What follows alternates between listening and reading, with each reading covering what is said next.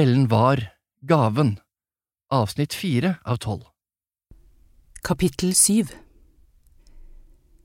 Da Anne åpnet grinda og gikk inn på tunet på hovedgården, kom hun til å tenke på det aller første gjestebudet hun hjalp til med på Mustad.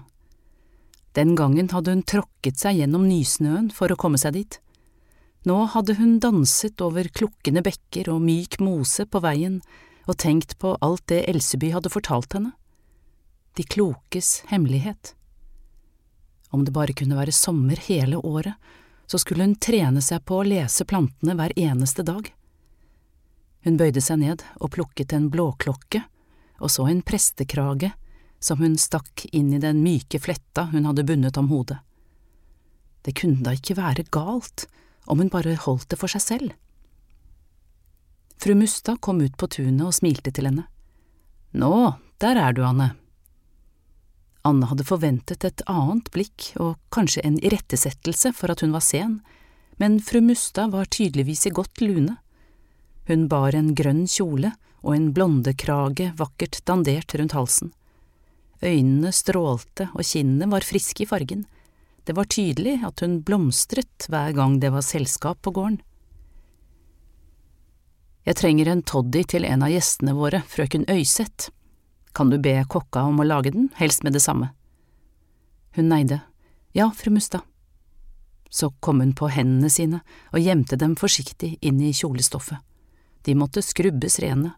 Ikke engang kokka måtte se hvor skitne de var.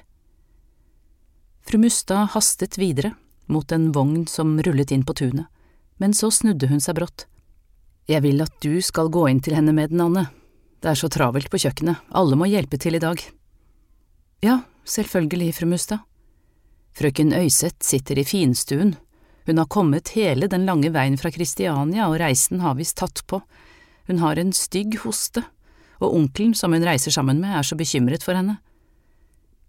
Anne hastet inn på kjøkkenet og passerte i det samme to tjenestepiker som løp ut og inn og serverte gjester på terrassen.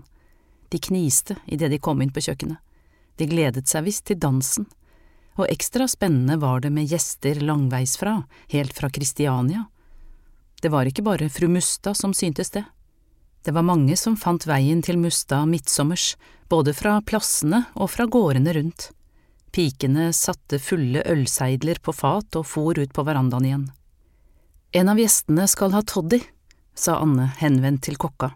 Fru Mustad ba meg ta den med inn til henne. Er du blitt tullete, jente? Ingen drikker toddy midt på sommeren, gi henne noe kaldt å drikke, hveste kokka og dro den kraftige armen over panna. Men det var det fru Mustad ba om, insisterte Anne. Ja, da får du lage toddyen selv. En tanke slo ned i Anne. I innerlomma på kjoleskjørtet hadde hun en liten flaske med morgendugg, og i brystlomma hadde hun friske kamilleblomster. Du skal se du får bruk for det, hadde Elseby sagt, før sola går ned. Hun så den kloke for seg mens hun brettet et stort lintørkle utover det våte gresset. Det skal ligge her til det er gjennomfuktet, duggen er helende hvis den samles nå. Hun hentet fram en liten gryte og varmet vannet fra flaska. Så helte hun blomsterknuppene i og lot dem trekke mens hun skrubbet hendene rene under benken. Det lukter epler her inne, freste kokka. Hvor kommer de fra? Anne sto med ryggen til og gjorde seg så bred hun kunne for å dekke gryten. Hun visste at duften fra kamilleblomstene minnet om epler. Det kommer utenifra, hvisket hun. Kokka gryntet og gikk ut. Anne så henne vagge med armene i siden over mot stabburet. Raskt grep hun en sileduk fra skapet og fylte koppen. Frøken Øyseth satt på divanen ved vinduet, slik fru Mustad hadde sagt, like under den tunge fløyelsgardinen som var drapert over den ene siden. Hun stanset et øyeblikk. Så vakker den unge frøkenen var. Ansiktet var gyllent og omkranset av et kastanjebrunt, bølgende hår som var festet mykt bakpå hodet. Kjolen hennes var av lyseblå fløyel, og i ørene hang hvite perler. Anne kunne ikke la være å legge merke til det, leppene var røde som georginene som vokste i fru Mustads hage. Så så hun raskt ned og rødmet fordi hun hadde stirret. Er det en toddin til meg? Åh, fru Mustad tenker nå på alt. Frøken Øyseth hostet lett. Anne neide, gikk bort og satte porselenskoppen ned på det lille, runde bordet ved siden av gjesten. Frøken Øyseth løftet den. Anne knep øynene sammen, holdt pusten. Det var nesten ikke til å holde ut, det som nå ville komme. Det hun hadde servert, smakte slett ikke som noen toddy, det visste hun godt. Frøken Øyseth nippet forsiktig og så overrasket opp på Anne. Er det du som har laget denne toddyen? Hun satte porselenskoppen ned på skålen med en myk bevegelse. Nei, det er kokka, hvisket Anne. Kokka? Ja, og hun er ikke i så godt humør om dagen, for smeden har trukket en tann midt i munnen hennes, og det var ikke den riktige tanna, så han tok en til. Frøken Øyseth lo mens hun holdt hånda opp foran munnen. Det var litt av en historie. Anne så ned i gulvet, kjente hvordan kinnene ble enda varmere, det var kanskje ikke slik de trakk ut tenner i Kristiania. Ja, jeg forstår at kokka må være i et dårlig lune, for verre toddy har jeg aldri smakt, det er jo bare vann, lunken er den også. Nå holdt ikke Anne det ut lenger, hun ble nødt til å si det som det var. Det var ikke kokka, det var jeg som lagde den, stammet hun. Hva mener du? Frøken Øyseth så forvirret ut. Jeg trodde det ville gjøre dem godt. Fru Mustad sa at de ikke følte dem vel, at de hostet stygt. Ville du hjelpe meg?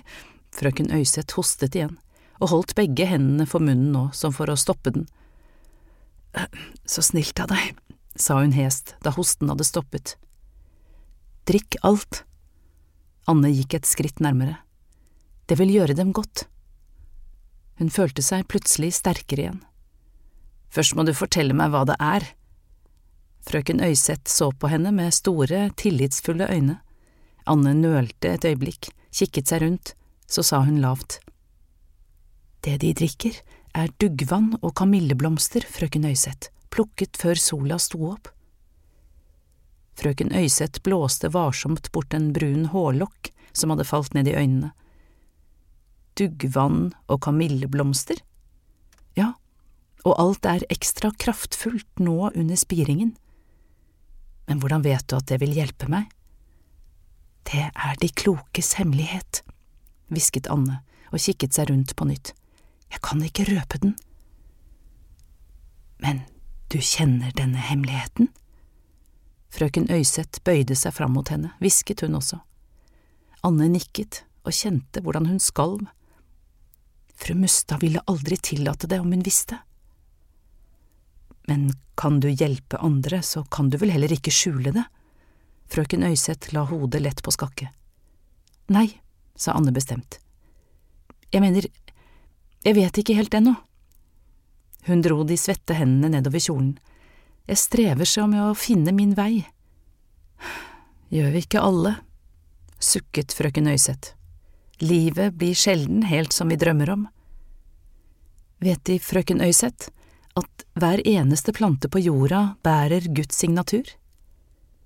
Frøken Øyseth ristet på hodet så perlene svingte og traff halsen med myke, små slag. Det samme tror jeg gjelder for menneskene, jeg tror også vi er merket. Tror du virkelig det? Frøken Øyseth så ettertenksomt bort på henne.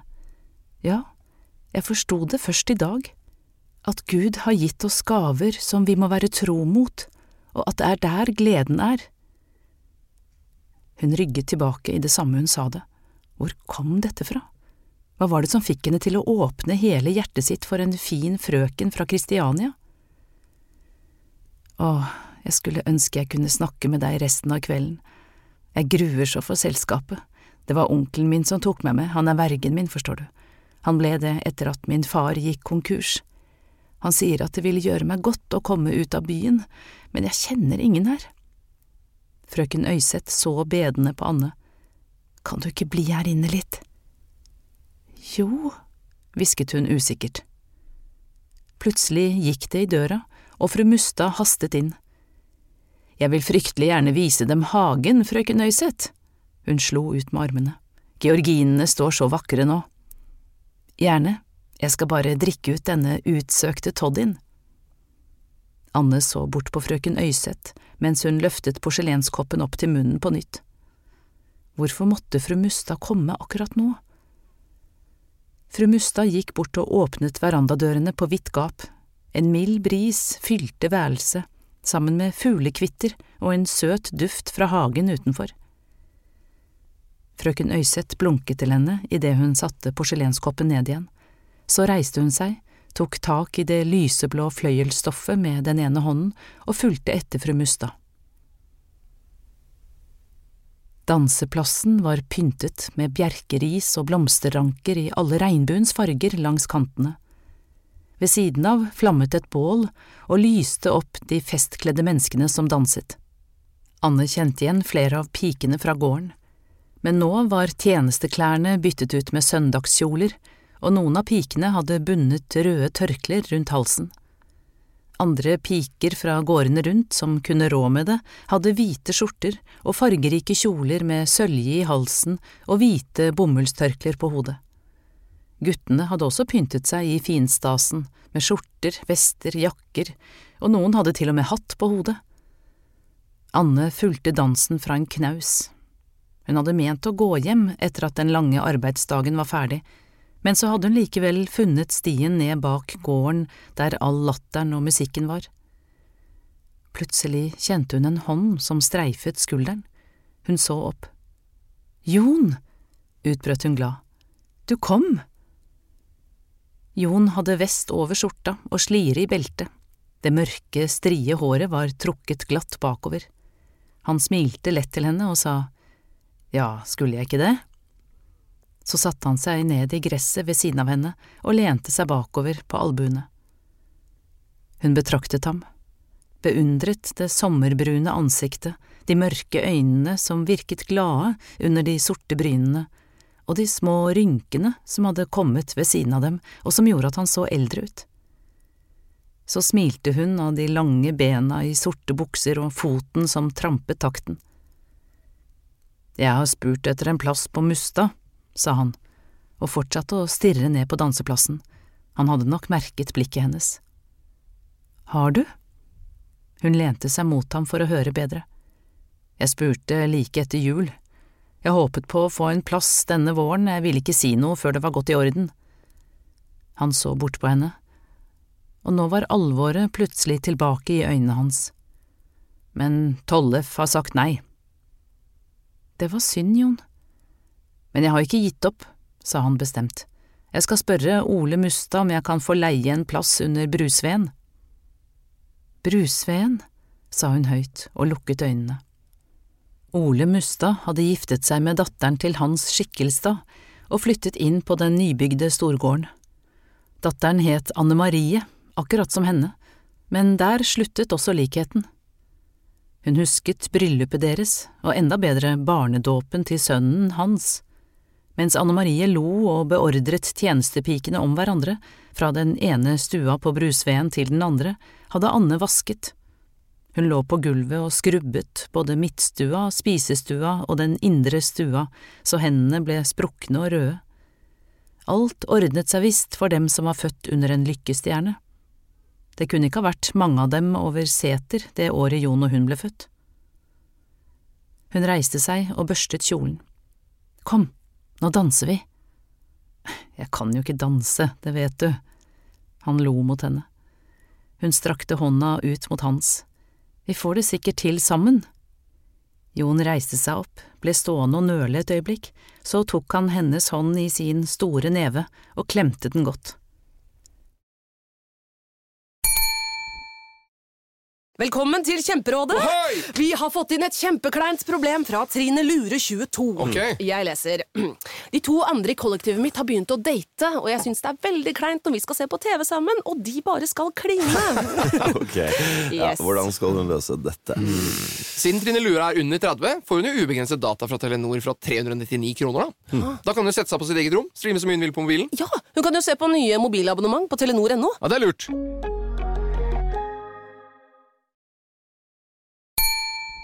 Hun merket Karens blikk i nakken da de gikk nedover gressbakken, men hun brød seg ikke om hva søsteren mente. En gang hadde Karen sagt at det aldri ville bli noe av den gutten, at hun måtte se seg om etter friere andre steder. Hun hadde bare blåst av det. Jon var vennen hennes, det var det han var. Karen kunne tenke hva hun ville. Bestemt trakk hun ham med seg ut på danseplassen og blandet seg inn i mylderet av alle de andre som kastet seg svette og glade rundt i den varme midtsommernatten. Så ble musikken med ett roligere, en lang, dirrende tone kom fra fiolinen, og hun kjente hvordan han lente seg mot henne. Han luktet en blanding av vått gress og svette. Hun lukket øynene og hvilte mot det varme brystet, merket hjertet hans, det banket etter dansen, som hennes. Men nå var alt stille og godt, og det eneste hun hørte, var den ene tonen som aldri opphørte. Hun kjente pusten hans, først mot håret, så panna, øynene, kinnene, og så munnen. Og det var akkurat da hun åpnet øynene og så ham. Like bortenfor satt frøken Øyseth på en benk og så på dansen, bak henne sto en mann med hånda på skulderen hennes, og selv om hun ikke kunne skjelne stort av mannens fingre, visste hun nøyaktig hvordan de så ut. Hun hadde aldri glemt de hvite hendene. Hun kunne huske alt som hadde hendt inne i biblioteket den natten, som om det var i går. Hva gjorde den fremmede sammen med frøken Øyseth? Hun var brått så varm i hodet følte seg uvel. Uten å tenke på hva hun gjorde, begynte hun å gå raskt bort fra danseplassen. Hvor skal du? Jon ropte etter henne. Jeg er trøtt og vil hjem. Hun snudde seg og så hvordan skuffelsen strøk over ansiktet hans. Alt hun hadde lyst til, var å løpe av sted, være alene, men hun presset seg til å bli stående og vente på ham. Dette var ikke rettferdig overfor Jon, det visste hun, men det var som om hun ikke hadde kontroll på seg selv lenger. Og i det samme han kom opp på siden av henne, fortsatte hun oppover stien mot hovedhuset. Dere får jo ikke bo på Sevald til evig tid, ropte han etter henne. Hva mente han med det? Hun stanset brått, så løftet hun på skjørtet og hastet videre opp den siste kneika. Du vet vel det, Moren din er legdekone, og det er jo ikke sikkert fru Mustad vil ta vare på henne for alltid. Kanskje blir hun sendt til en annen gård. Hvor skal du og Kirstine bo da? Kirstine er jo ikke engang konfirmert. Så slem du er, ropte hun ned mot ham og fortsatte. Snart nådde han henne igjen. Jeg mente ikke å gjøre deg vondt, Anne. Han så forvirret og fortvilet ut. Jeg vet det, Jon. Hun stoppet, så ned. Du vet jeg vil alt det beste for deg. Jeg glemte sjalet mitt på kjøkkenet. Jeg skal hente det, så kan du følge meg hjem. Hun gikk raskt bort fra ham så han ikke skulle merke hvordan hun skalv. Hvorfor hadde hun blitt så oppbrakt, så helt ute av fatning? Kapittel åtte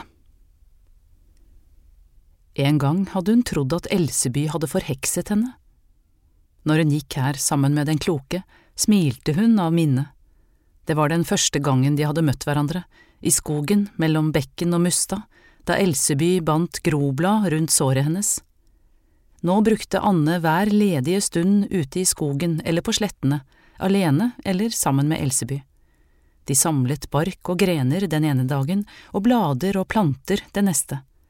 Barken ble delt i lange stykker og grenene kuttet i fingertykke skiver etter at sevjen hadde gått i stammen. Bladene og plantene var det vanskeligere å vite når hun skulle samle. Hun fulgte omhyggelig med på alle Elsebys nøyaktige forklaringer. Noen sorter skulle samles når blomsten sto i knopp, og andre når blomstringen hadde begynt. Samme dag som de var sanket, måtte de renses, hver sort for seg, og lufttørkes i skyggen. Jo raskere tørking, desto bedre. Det samme med barken og grenene, luft tørkes i skyggen, snus ofte, så smaken og fargen ble beholdt. Men det viktigste var kraften de bar, at de var legende urter. De satt sammen på trappa til Elseby på Biri, barbente. Støvlene var det første de hadde tatt av seg da de kom tilbake. De var varme og klamme etter den lange turen, men hun følte seg aldeles ikke trøtt kunne ikke få nok av alt det Elseby viste henne. Anne krøllet de bare tærne. Det føltes så riktig å være her. Hun var ikke sikker på hvor godt Elseby kunne lese og skrive, men plantene kunne hun lese. Og hun hadde lært henne å gjøre det også. Og ikke bare det, nå kunne hun lage blodrensende drikke av ryllik og stemorsblomst, jordbærblader og løvetann, og beroligende drikke av hjertensfryd, einebær og furunåler. Nå visste hun råd for alt fra årebetennelse til hodepine, gikt og bronkitt. Til og med lungebetennelse, kikhoste og eksem hadde Elseby lært henne å kurere med plantene som vokste vilt i Vardal. Men hva skulle hun bruke det til? Fru Mustad ville aldri la henne fortsette å jobbe på gården hvis hun ble en hjelper for Elseby. Og hva ville skje med moren og Kirstine hvis hun trosset fru Mustads vilje? Det kunne hun bare tenke seg. Moren ville forgå på fattighuset, og Kirstine ville bli sendt i oppfostring på fremmede gårder vakre, gode Kirstine, som alltid trodde det beste om alle. Alle hun møtte på kirkebakken, sendte hun store, tillitsfulle smil. Plutselig kjente hun det gamle mismotet og den samme knugende uroen som hadde fylt henne de siste årene. Hvorfor kunne de ikke bare slippe? Hvorfor kunne hun ikke bare føle seg fri, gjøre det som føltes så riktig inni henne? Den som er født til å være klok, vet hva skjebne er, sa Elseby og trillet noen einebær som lå til tørk på trappa mellom fingrene. Hva mener du? Hun så bort på den kloke.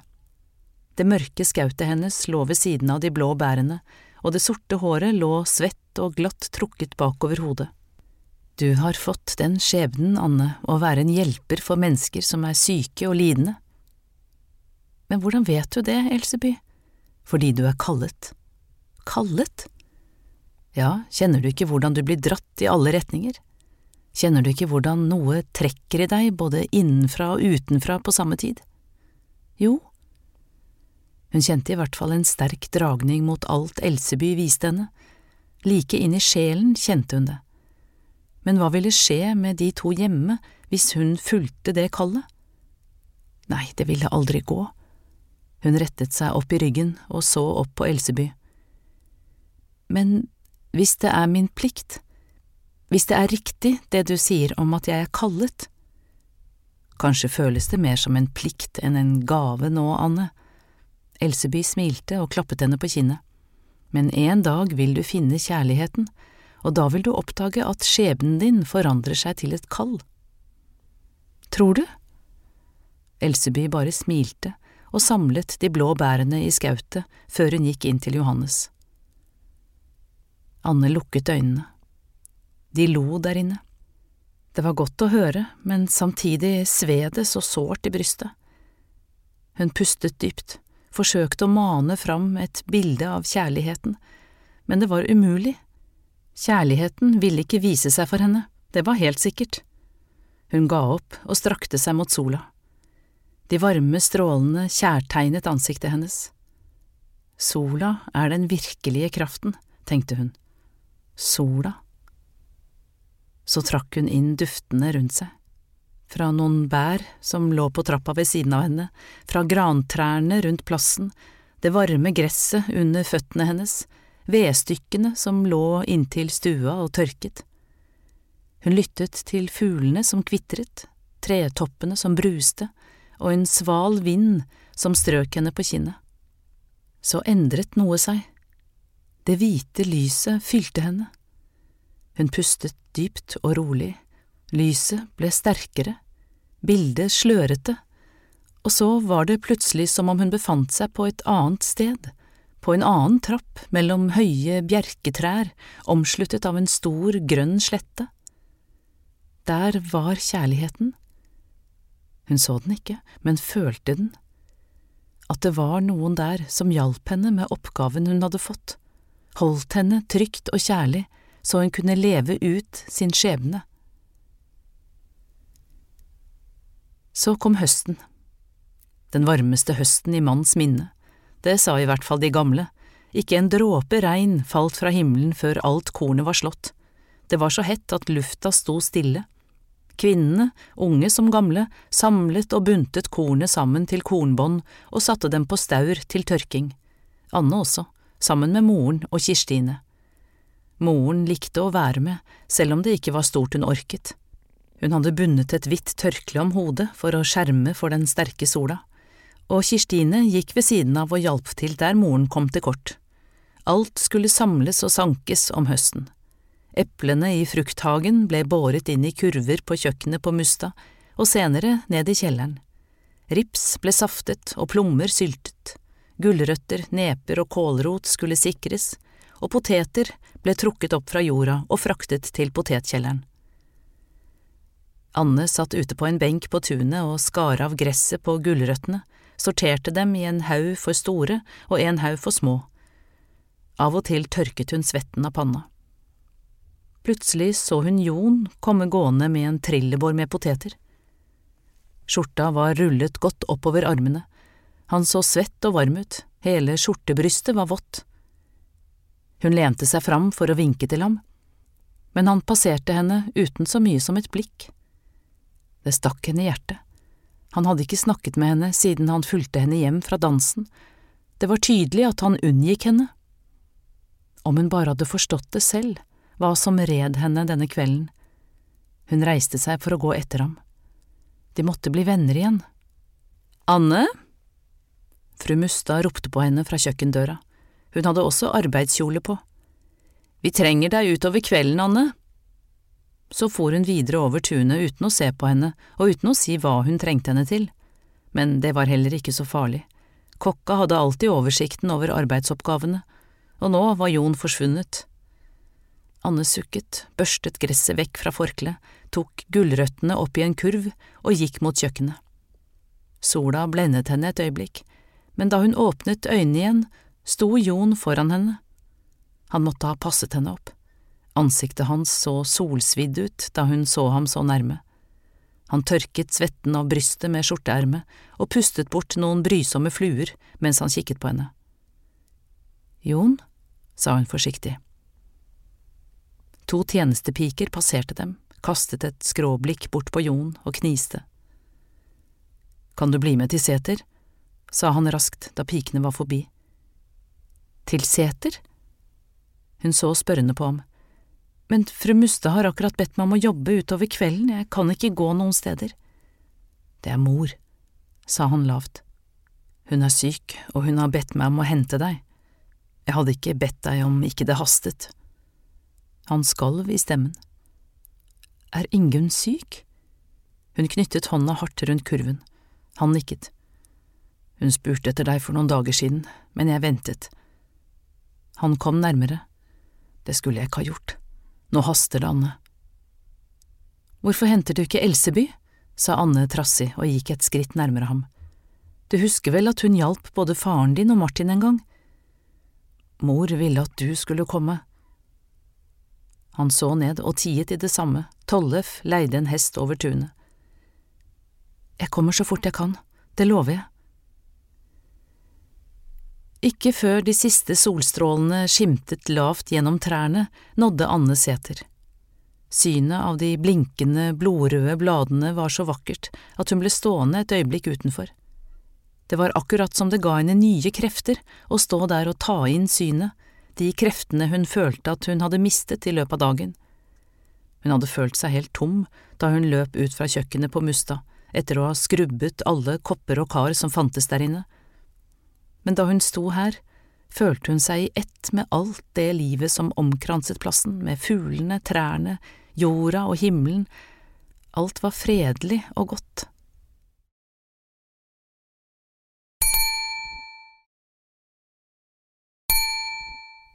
Så banket hun forsiktig på døra og gikk inn. Hans var den første hun så. Han var solsvidd i ansiktet, som Jon. Han så engstelig bort på henne. Hun hadde jo sett ham nede på jordene, hvor kraftfullt han svingte sigden over kornet, men nå virket han ikke sterk. Øynene var blanke, det så ut som han hadde grått. Jon og Martin satt stille ved bordet tvillingene på benken under vinduet. Hun nikket til dem alle etter tur, men bare Martin og tvillingene nikket tilbake. Jon overså henne, som om hun plutselig var blitt en fremmed. Ville han at hun skulle gå, nå som hun var kommet? Han fikk vel støtte henne i stedet, om dette skulle gå bra.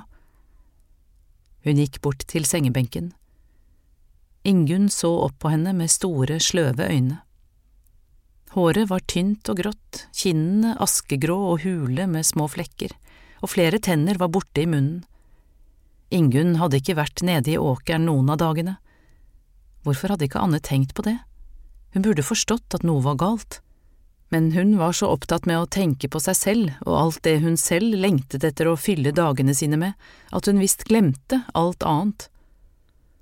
Anne grep den magre hånda, den var kald og slapp. Hun forsøkte å varme den, tok den opp til ansiktet, holdt den mot munnen og blåste på den. Kan du hjelpe henne, Anne?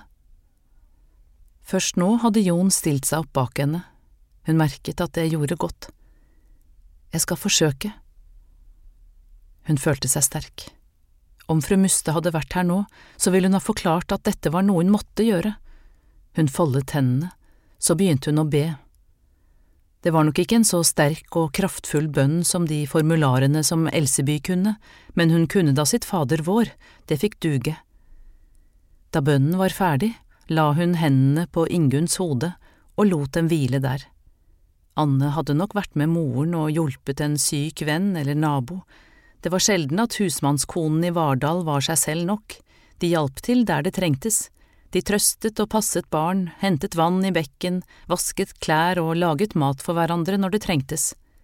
Noen ganger la de kalde kluter på en feberhet panne, eller hjalp til under en forløsning hvis fødekona ikke rakk fram. Men når hun oppførte seg som Elseby, ba bønner og hentet inn planter som hun ville lindre plagene til Ingunn med, hva ville Jon tenke da? Dette var uansett hennes plikt, så fikk han vel tenke hva han ville, det var dette hun var klar for, i hvert fall hvis hun skulle stole på Elseby. Elseby brukte den røde tråden for å se hva den syke feilte. Anne hadde ingen rød tråd. Et øyeblikk følte hun seg helt rådløs. Hun måtte stole på seg selv nå. Hun lukket øynene hvis klarsynet var gaven hennes, så ville det vel vise seg for henne og hjelpe henne. Hun førte hendene over kroppen til Ingunn. Da det begynte å prikke varmt i dem, la hun dem forsiktig ned. Er det her smertene dine er, Ingunn, her på magen? Ingunn nikket. Det har vært sånn lenge, nederst i magen, jeg trodde det ville gå over av seg selv. Anne snudde seg mot Jon, så sa hun bestemt. Jeg trenger bark fra eika. Så vendte hun seg om og beordret Hans om å tenne opp i grua og varme vann. Ikke lenge etter kom Jon inn med store stykker eikebark som han la på bordet. Anne finkuttet barken mens hun følte øynene hans på seg. Så la hun bitene oppi det kokende vannet og silte avkoket etter en kort stund. Dette skal du drikke flere ganger om dagen, Ingunn, og når du går tom, må guttene dine lage nytt til deg. Hun smilte og strøk Ingunn over de magre kinnene. Så vil du snart orke å spise igjen. Det er det at du ikke får noe mat i deg som gjør at du tappes for krefter. Smertene dine vil gå bort, det vet jeg. Du har så mye styrke i deg, Ingunn, dette klarer du. Ingunn smilte til henne. De sløve øynene hennes lyste plutselig, det virket nesten som om ordene hadde gitt henne like mye styrke som drikken. Uka etter fant Anne igjen veien til Biri. Tiden var kommet for å samle røtter og rotstokker. Elseby hadde forklart at det var best å samle dem om høsten etter bladfellingen.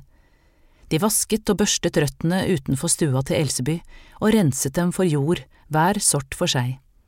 Så trakk de røttene på tråd og hang dem opp i skyggen slik at de kunne tørke raskt. Johannes hjalp også til. Han delte de grovere røttene på langs med saga, før han hang dem opp på snora. Hun følte at han likte at også hun var der. Han smilte til henne gjennom det røde skjegget.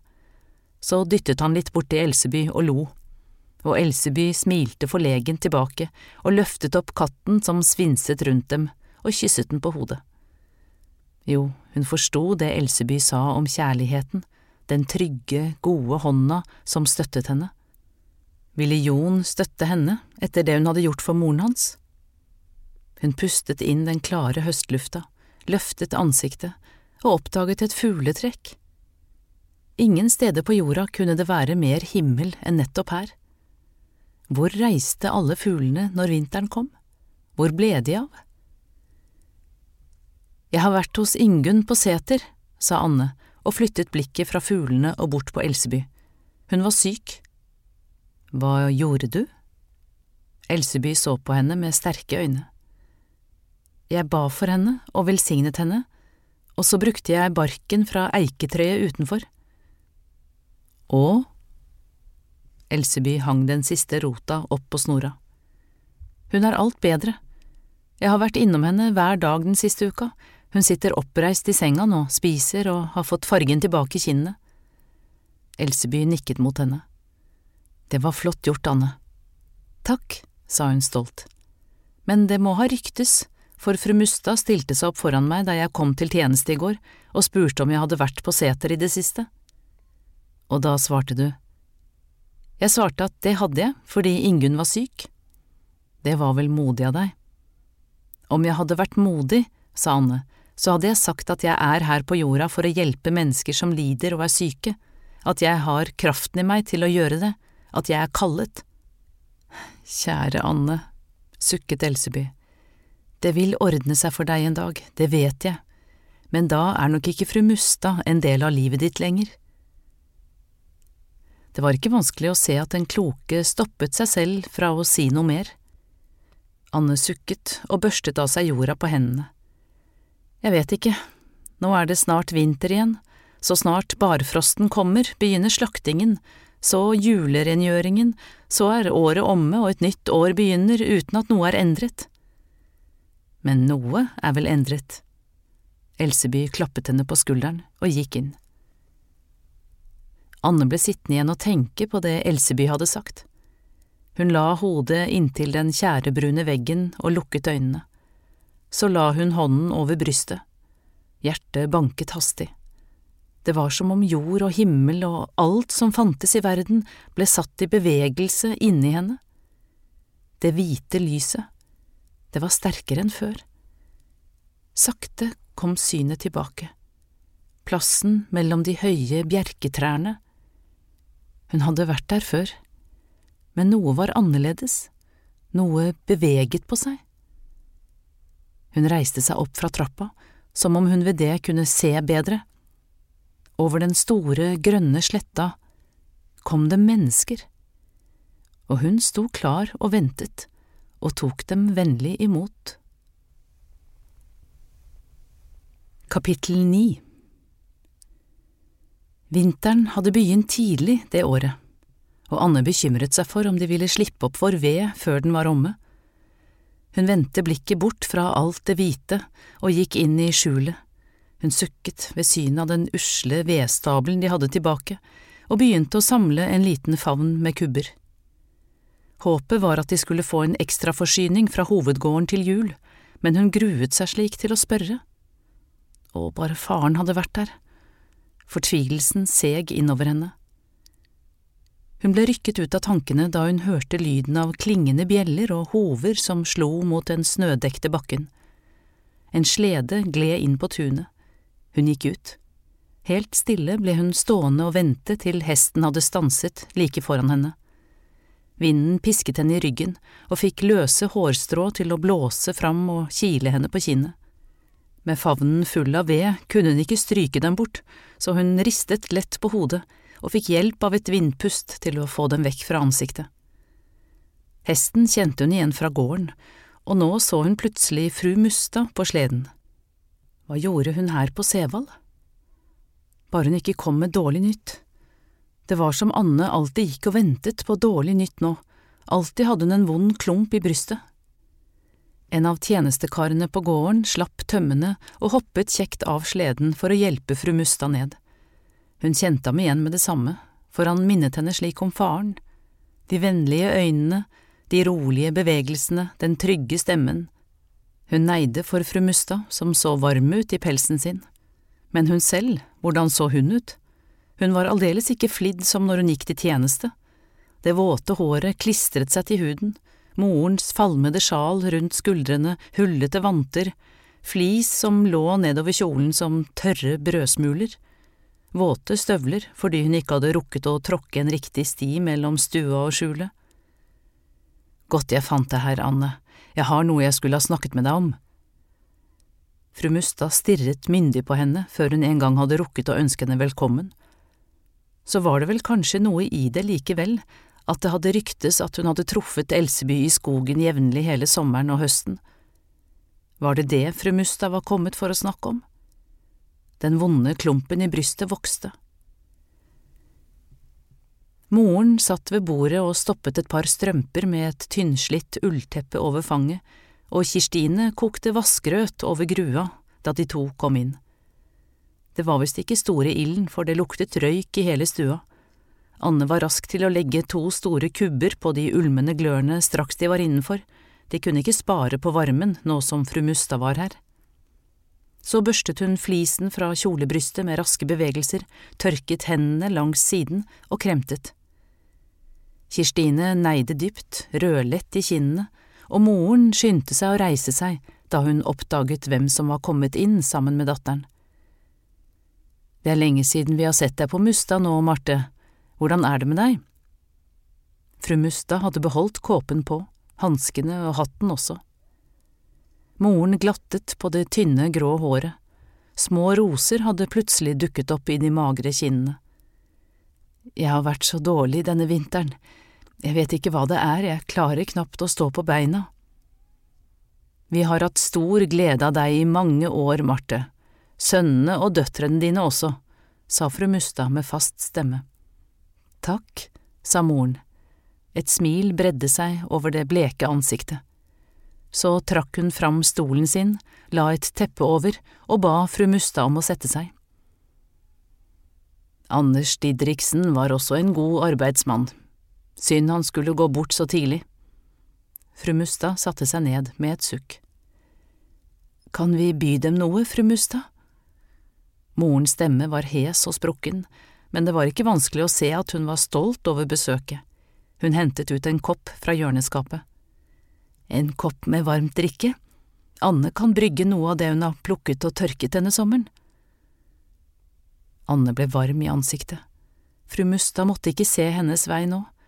Selv om hun ofte hadde hatt med Kirstine ut i skogen når hun plukket både blomster og bær, hadde hun fortalt verken henne eller moren om møtene med Elseby, så moren røpet henne uforvarende. Om fru Mustad merket noe, da. Og det gjorde hun nok.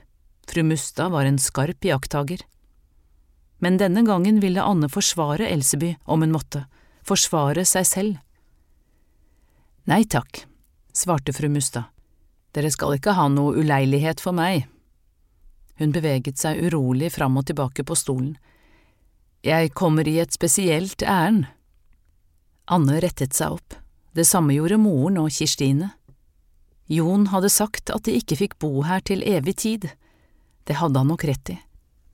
Fru Mustad stakk den hanskekledde hånda under kjolen. Det har kommet et brev fra Kristiania. Et brev? Det var i hvert fall første gang det var kommet et brev til Sevald. Det er til deg, Anne. Fru Mustad ga henne konvolutten med en sørgmodig mine. Til meg? Anne ble sittende og holde konvolutten i hånda, den var hvit med et rundt stempel på, famlet litt med den. Du får lese det, da, sa moren utålmodig. Hun hadde satt seg på krakken ved grua. Nå lente hun seg spent framover mot henne og brevet. Bare Karen hadde vært her, så kunne hun ha lest, men hun var kanskje ikke bedre, hun. Ingen av dem hadde fått mer enn måtelig til konfirmasjonen. Hun dro forsiktig brevet ut av konvolutten. Lillesøsteren hang over henne. Forsiktig, ba hun, forsiktig, Kirstine. Hun skalv på hendene. Det var som om det tynne papiret kunne gå i stykker mellom fingrene hennes hvert øyeblikk.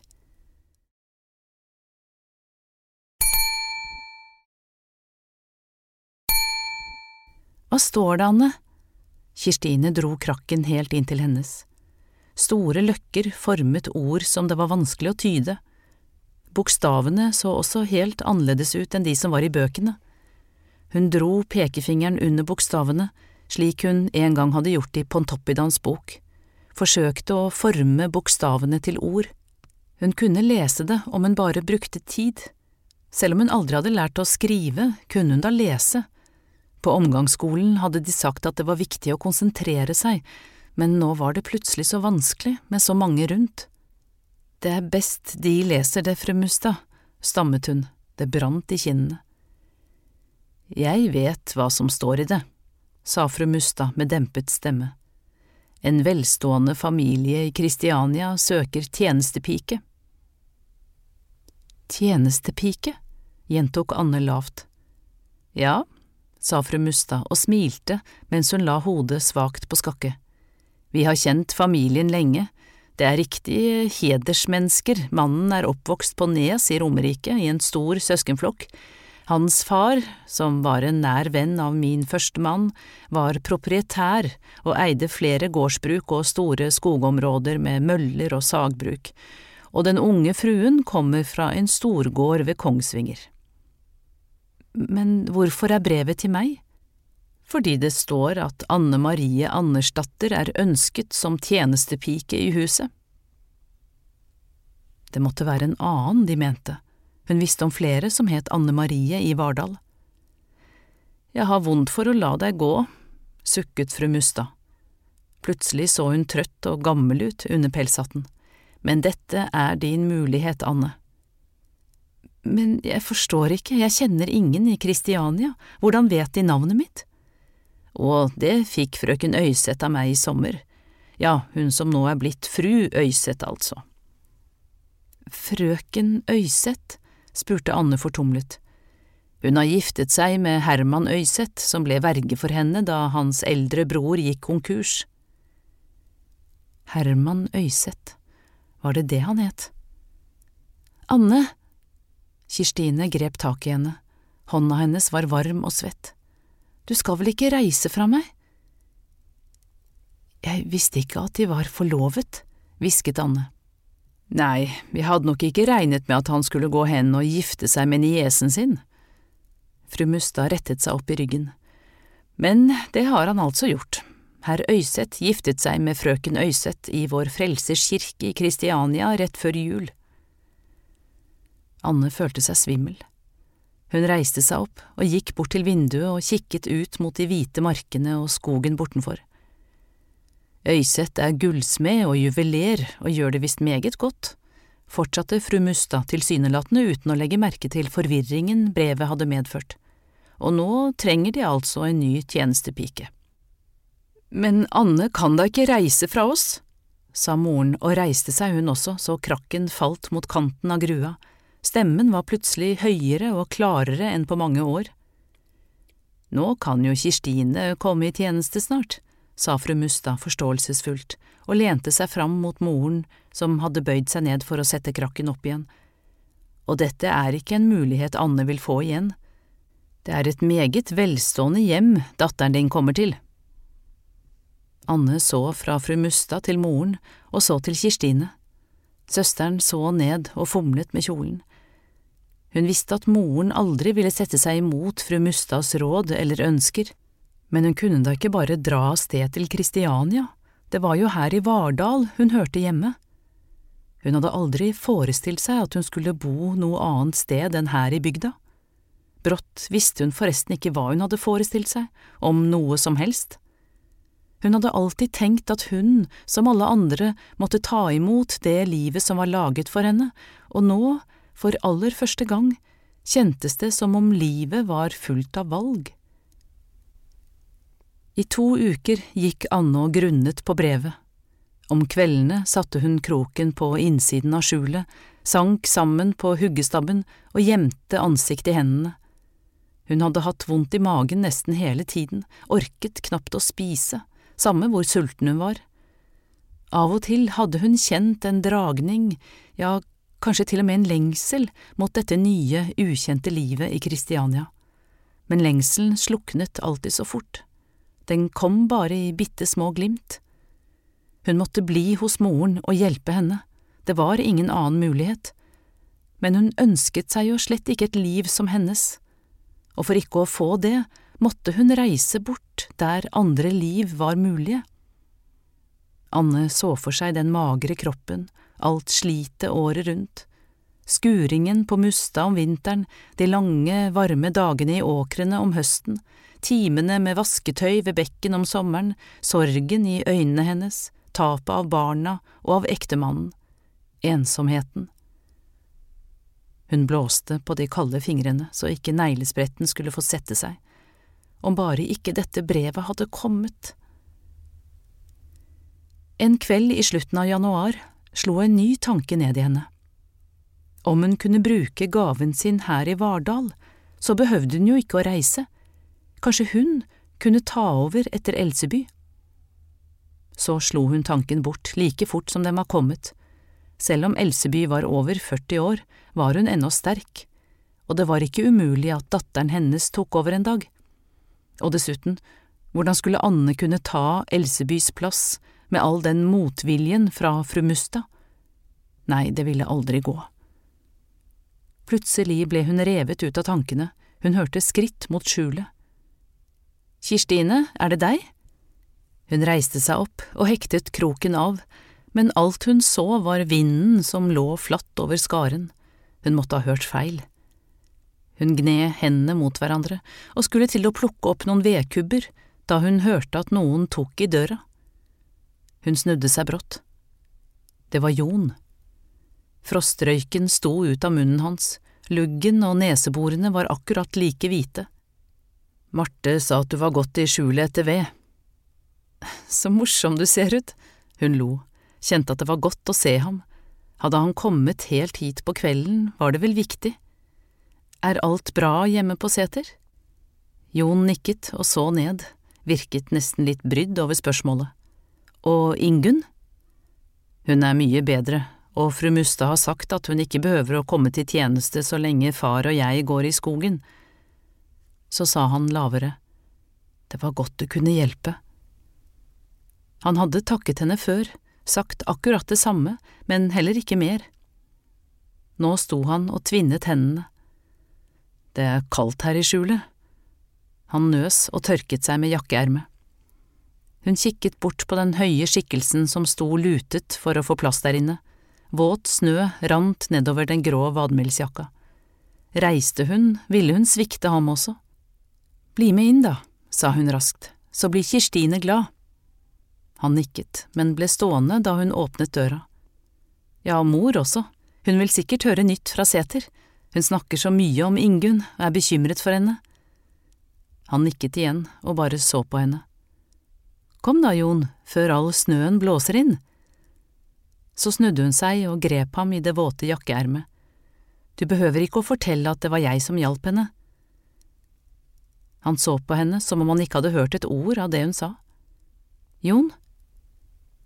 Jeg har hørt om brevet, sa han og så ned. Å, hun visste ikke om hun var lettet eller lei seg for at hun ikke var den første til å fortelle om det. Martin hadde hørt det på gården, men du tenker vel ikke å reise? Jeg vet ikke, Jon. Fru Mustad sier at jeg aldri vil få en sånn sjanse igjen.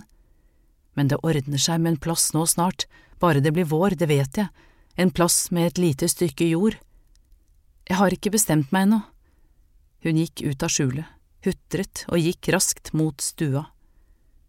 Du tror ikke jeg vil greie det, tror du vel, siden jeg verken kan lese eller er konfirmert?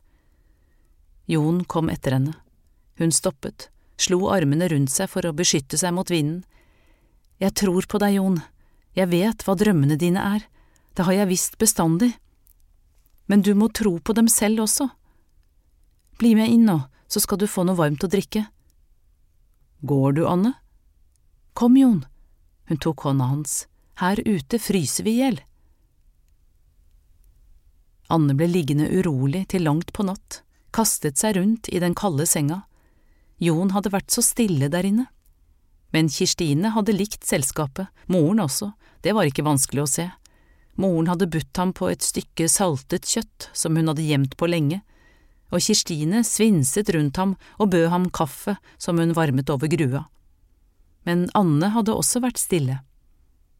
De to satt ved siden av hverandre foran varmen, og en gang merket hun at han lente seg nærmere henne når moren og Kirstine ikke så det. Hun hadde følt at det var så godt å ha ham der, at det var riktig at det var ham som var der på Sevald sammen med dem, og så var det samtidig så vanskelig, alt sammen. Utpå morgenkvisten våknet hun brått og satte seg opp. Hun tok hendene til brystet, det var vått av svette.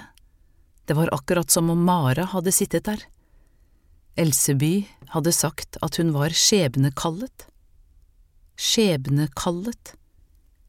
Den kloke holdt en krone framfor henne, en krone av det reneste gull, prydet med perler og edelstener, men hun nektet å ta den imot, skjøv hendene mot kronen og skrek. Hun hev etter pusten og så seg engstelig rundt i stua. Alt det som var trygt, virket plutselig så skremmende. Hun så bort på moren og Kirstine, de sov dypt begge to. De var så fredelige der de lå, og hun så opprevet bestandig. Etter at brevet kom, var hun blitt så urolig, hun våget ikke å legge seg ned igjen, i tilfelle drømmen ville komme tilbake. I stedet satte hun føttene ned på det kalde gulvet og listet seg bort til grua, la på et par nye kubber og satte seg foran med et teppe over fanget. Hun grøsset, det hadde virket så ekte. Endelig fikk flammene tak i de usle glørne. Hun tenkte på alle de gangene hun hadde sittet her sammen med faren og passet varmen. Hvordan skulle de to klare seg uten henne?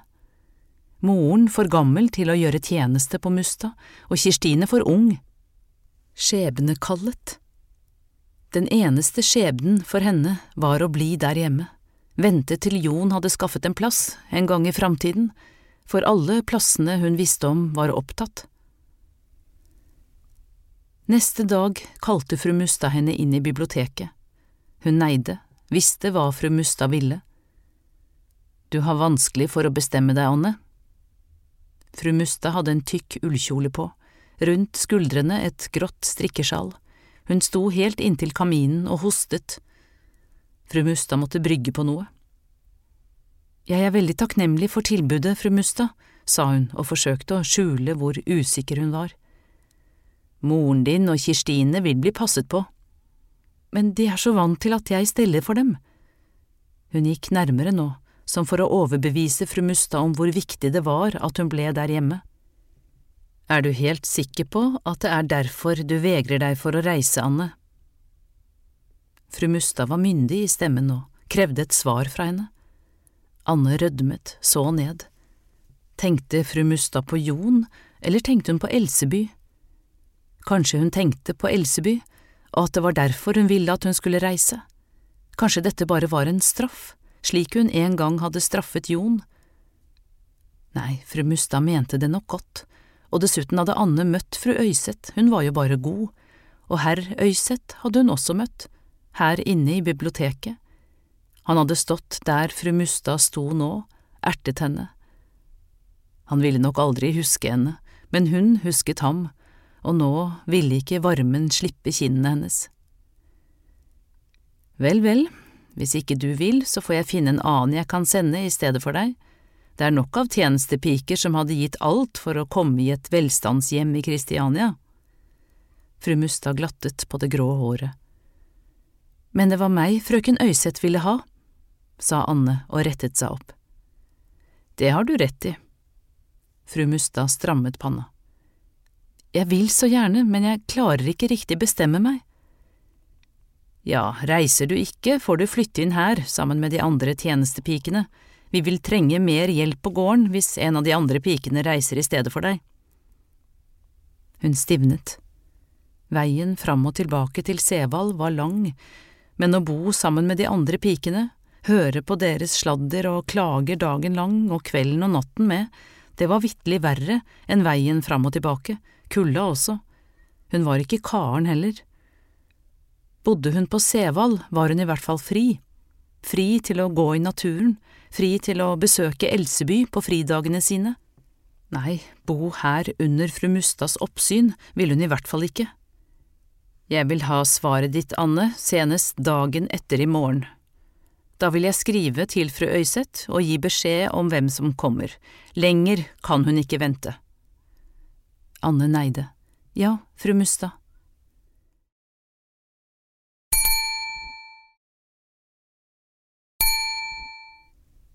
Elseby var alene da Anne kom til Biri neste dag, Johannes og ungene var ute i ærender.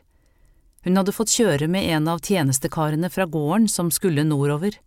Heldigvis var han ikke av de snakkesalige som spurte og grov om hvor hun skulle hen. Det var godt å ha Elseby helt for seg selv, hun trengte det. Hun la hodet inntil skulderen hennes og gråt. Kanskje er Kristiania et sted du kan bruke gaven din uten at noen holder øye med deg hele tiden, trøstet Elseby. Tror du?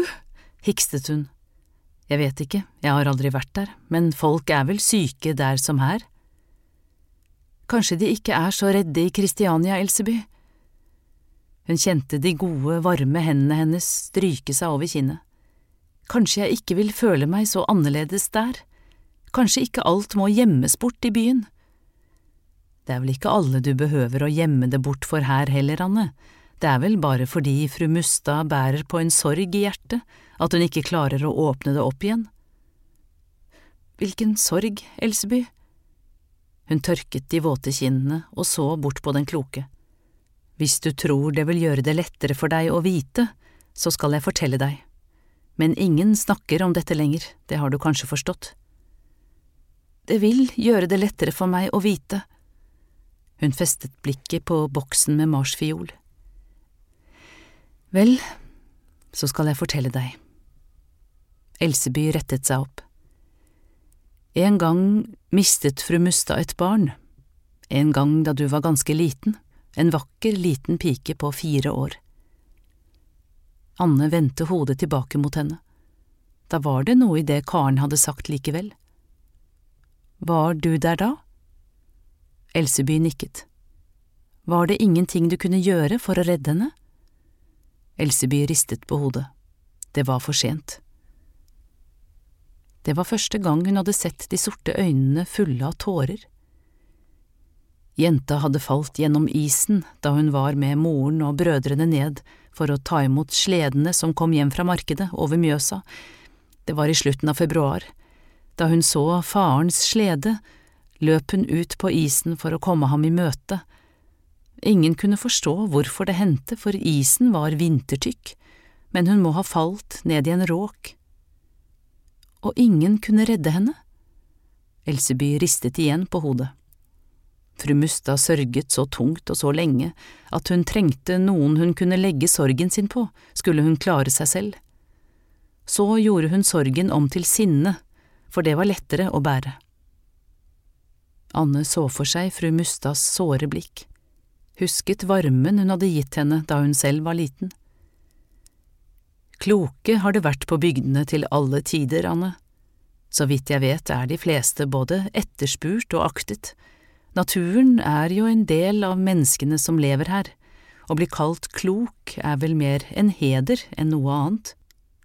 Men fru Mustad frykter de onde kreftene, Anne rettet seg bestemt opp. Du har aldri snakket med meg om det, du, Elseby, og her om natten hadde jeg en vond drøm. Hva vil du vite da, Anne?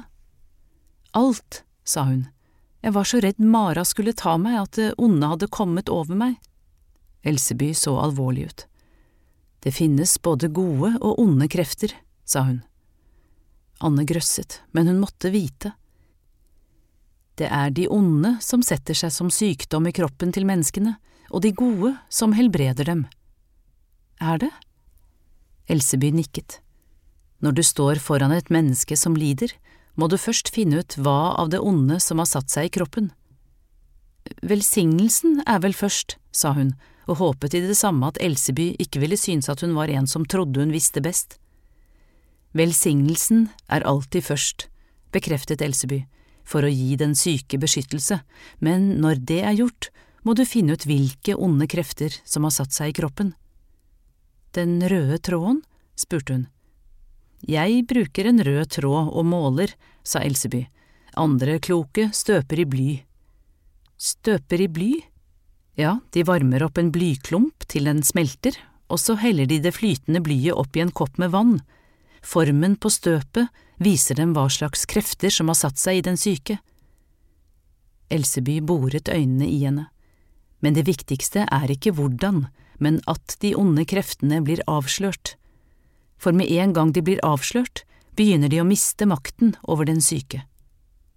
Gjør de? Ja, det er som med trollet, det sprekker når det kommer i lyset. Elseby måtte ikke begynne å snakke om troll eller djevel nå, Anne hadde altfor mye å bekymre seg for som det var. Enda viktigere er likevel plantene, Anne. Elseby la hånda over hennes.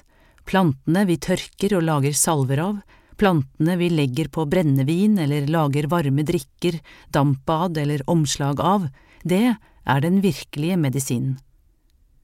Men hva med de magiske formularene som jeg har hørt deg bruke? hvisket Anne, jeg kan bare bønner, jeg.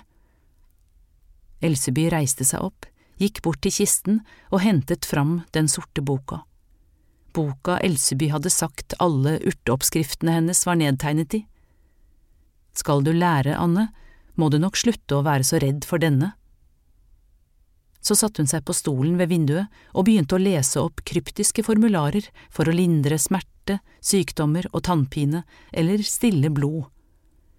Anne forsøkte å fange de fremmede ordene, men de var som fuglene om høsten, fløy vekk uten at hun visste hvor. Du kan også lage deg dine egne, sa Elseby da hun var ferdig, som passer for deg, som passer inn i Kristiania, finere formularer, bedre.